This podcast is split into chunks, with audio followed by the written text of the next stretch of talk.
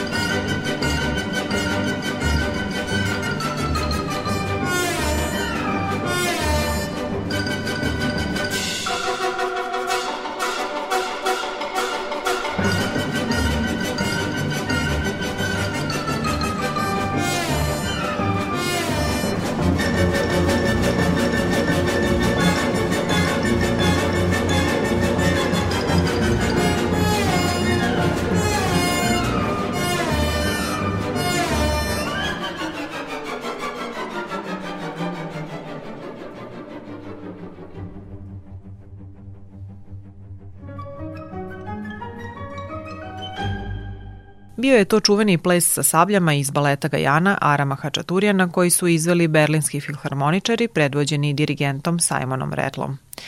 Balet Gajana napisan je 1942. godine, a šest godina kasnije ples sa sabljama postao je jukebox hit u Sjedinjenim američkim državama, te je časopis Newsweek sugerisao da bi 48. trebalo da bude godina Hačaturjana u SAD-u.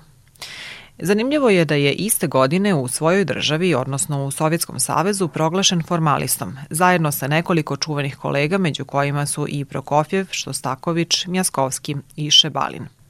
Komunistička partija je tvrdila da je njihova muzika preteška za razumevanje i da masa ne može da uživa u njoj.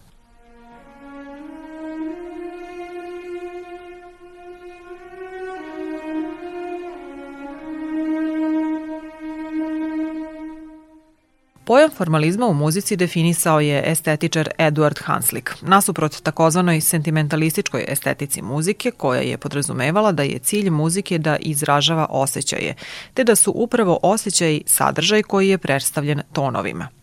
Hanslik je međutim poistovećivao formu sa sadržajem, koji je prema tom teoretičaru ono specifično muzičko, tonski nizovi i oblici koji, kako je pisao, nemaju drugog sadržaja osim sebe sama. Te muzika, objašnjavao je Hanslik, ne govori preko tonova, već govori samo tonove.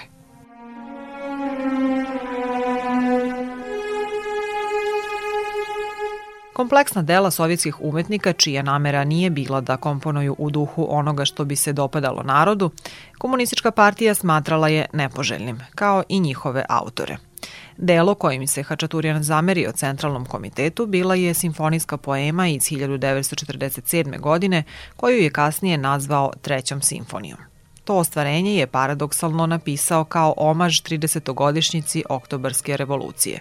Čak je i izjavio da je poemu komponovao kao delo u kojem će publika moći da oseti program koji nije tekstualno najavljen, te da je želeo da njime izrazi radost i ponos naroda u velikoj i moćnoj zemlji, to jest Sovjetskom savezu. S obzirom na to da je Hačaturijan inspiraciju često pronalazio u folklornim motivima, što se jasno čuje u njegovom stvaralaštvu, mnogim muzičarima i teoretičarima ostalo je nejasno zašto je jermenski umetnik cenzurisan zajedno sa nekim kolegama, čije su kompozicije ipak bile, ako već govorimo u takvim kategorijama, manje prijemčivog zvuka za mase. Neki muzikolozi smatraju da je Hačaturijanova jednogodišnja cenzura zapravo porstaknuta time što je bio aktivni član Saveza sovjetskih kompozitora, koji je komunistička partija gledala kao bastion politički nepoželjne muzike. Hačaturijanova dela verovatno i nisu bila toliko problematična uzimajući u obzir kriterijume partije čiji je inače i bio član od 1943. godine. Konferencija na kojoj je Hačaturijan suočen sa stavom Centralnog komiteta održana je u januaru 48. Već u martu kompozitor se vrlo ponizno izvinio za svoje, kako je naveo, umetničke greške. Ipak muzički stil nije menjao. Iz Moskve, koja mu je bila baza već 26 godina, pokaznije poslat u Jermeniju, a njegova dela su bila cenzurisana.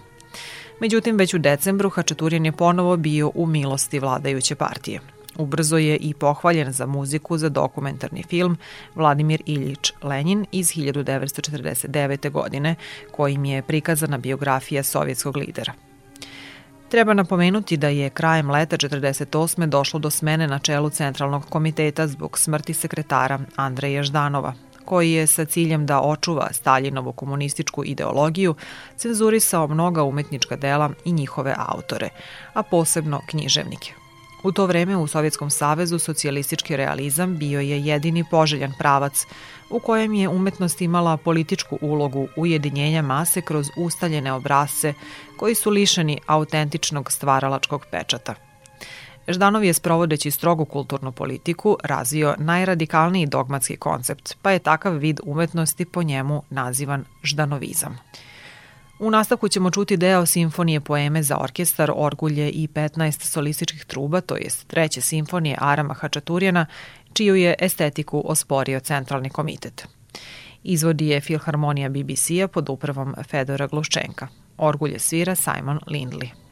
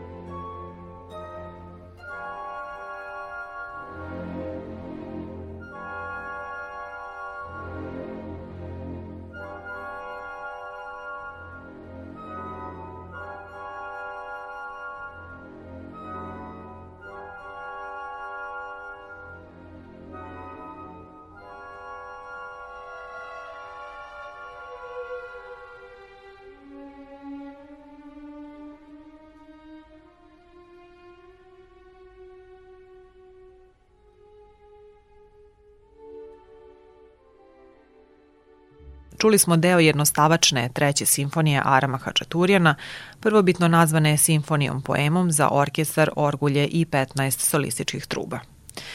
To je bilo izvođenje filharmonije BBC-a i orguljaša Simona Lindlija pod dirigenskom palicom Fedora Gluščenka. Pre ove kompozicije Hačaturjan je napisao još dve simfonije, prvu 1934. a drugu 1943. godine.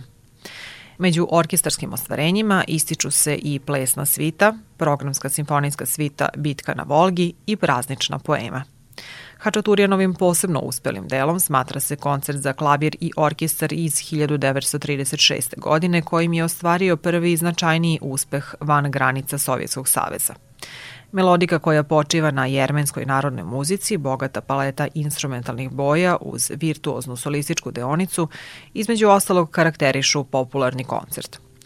Violinski koncert iz 1940. takođe je među poznatijim Hačaturjanovim ostvarenjima – U njemu je, za razliku od klavirskog, deonici soliste poverio dominantniju ulogu, dok u klavirskom i orkestar ima veoma bogatu partituru. Veoma je cenjen i koncert za violončelo i orkestar koji je napisao 46. ali i dela nastala 60. godina prošlog veka, Rapsodija za violinu i orkestar te koncertna rapsodija za violončelo i orkestar.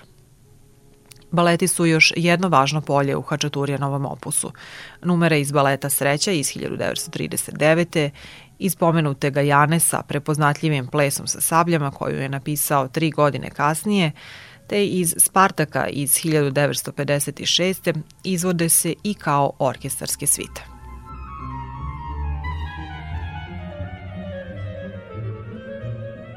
Hačaturjan je u tekovine zapadnoevropske muzičke scene utkao jermensku tradicionalnu muziku na veoma modern način. Time je Jermeniju učinio prepoznatljivom i u zapadnom muzičkom svetu. Dmitri Šostaković je u jednom članku povodom kompozitorovog 50. rođendana napisao da je Hačaturjan učinio neizmernu uslugu jermenskoj muzici, te da ništa manje nije uradio ni za muzičku kulturu čitavog Sovjetskog saveza. On je prvi među našim kompozitorima koji je tako uverljivo prikazao najrazličitije načine simfonizovanja muzike Sovjetskog istoka, da bi izrazio snažna dramska osjećanja, patriotske, duboke emocije. Aram Hačaturjan ima 50 godina, ali on je mlad kompozitor. Mlad je u najboljem značenju te reči. Njegov stvaralački žar i veliki prirodni talenat daleko su od iščezavanja. Čvrsto sam uveren da Hačaturjan još nije dosegao svoj limit, te da će tek iskusiti radosti brojnih stvaralačkih pobeda. Razlog za to je njegov neisrpni optimizam i svetla perspektiva svojstvena sovjetskom umetniku patrioti, bogat opus u dva izražajna medija i konačno zrela i sigurna zanatska veština. Govoreći o dva medija izražavanja, Šostaković je verovatno mislio i na Hačaturjanov rad na primenjenoj muzici, odnosno muzici za film i pozorište. I na tom polju je ovaj kompozitor imao značajan uticaj. Jednom prilikom jermenski umetnik je podelio svoje razmišljanja o toj vrsti stvaranja, nadovezujući se upravo na Šostakovićeva razmišljanja. U potpunosti se slažem sa Šostakovićem. Film je škola za kompozitora, a za mlade drugi konzervatorijum. Mnogi zvučne efekte otkrio sam u filmu. Film disciplinuje kompozitora, a najvažnije je što od njega formira dramaturg. On piše za scenu i datu situaciju mora da prenese na ekranu. Čitljivost i preciznost muzičkog razmišljanja je ključna. Kada mi studenti pokažu muziku za film, ja ih uvek pitam da mi kažu šta se tu događa. Hačaturjanova filmska muzika je porstakla razvoj žanra u istočnoj kinematografiji. Zapravo, on je prvi uveo istočnu muzičku tradiciju u film. Pre njega stilizovani folklor istoka je po pravilu korišćen samo u filmovima koji opisuju nešto orijentalno. Hačaturjan je ukrstio narodne melodije i zapadnoevropsku umetničku muziku, posebno simfonijsku, tako da je se čuvao njihov izvorni zvuk – tesno ih preplićući sa muzičkim tkivom koje nema folklorno poreklo. Zanimljivo je da Hačaturjan sve do 19. godine nije imao formalno muzičko obrazovanje. Rođen je 1903. godine u Gruziji u Tbilisiju, u jermenskoj porodici. Otac mu je bio knjigovezac, narodnu muziku zavoleo je uz majčino pevanje, a klavir je naučio da svira sam. Po završetku srednje škole opredelio se da se dalje školuje za muzičara.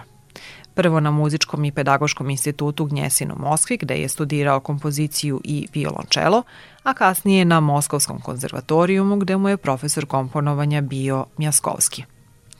Tada je komponovao u duhu savremene zapadne muzike, a najviše se ugledao na Ravelovo stvaralaštvo, čije je odlike poput bogatog kolorita i orkestracije dosledno primenjivao i u svom opusu – Kao zreo i dokazan umetnik, 1951. godine Hačaturijan i sam postaje profesor u obe visoke škole koje je pohađao.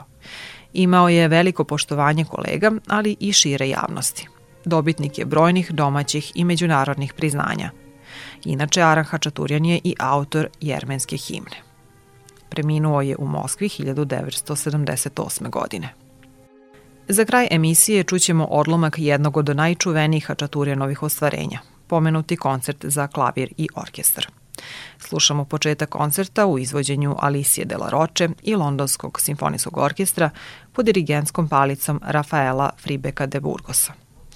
Muzički salon tonski je oblikovala Iboja Šanca, a ja sam Jovana Golubović. Pozdravljamo vas do slušanja.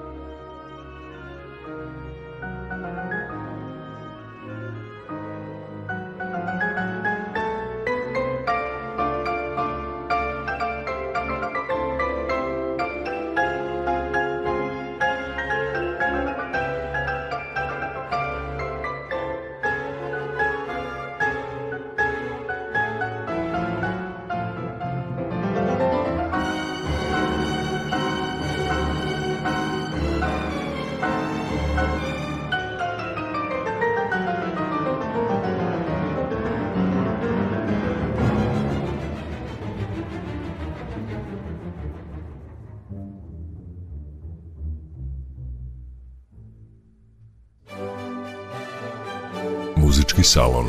Mesto susreta sa umetničkom muzikom. Muzički salon. Priče o klasičnoj muzici. Muzički salon.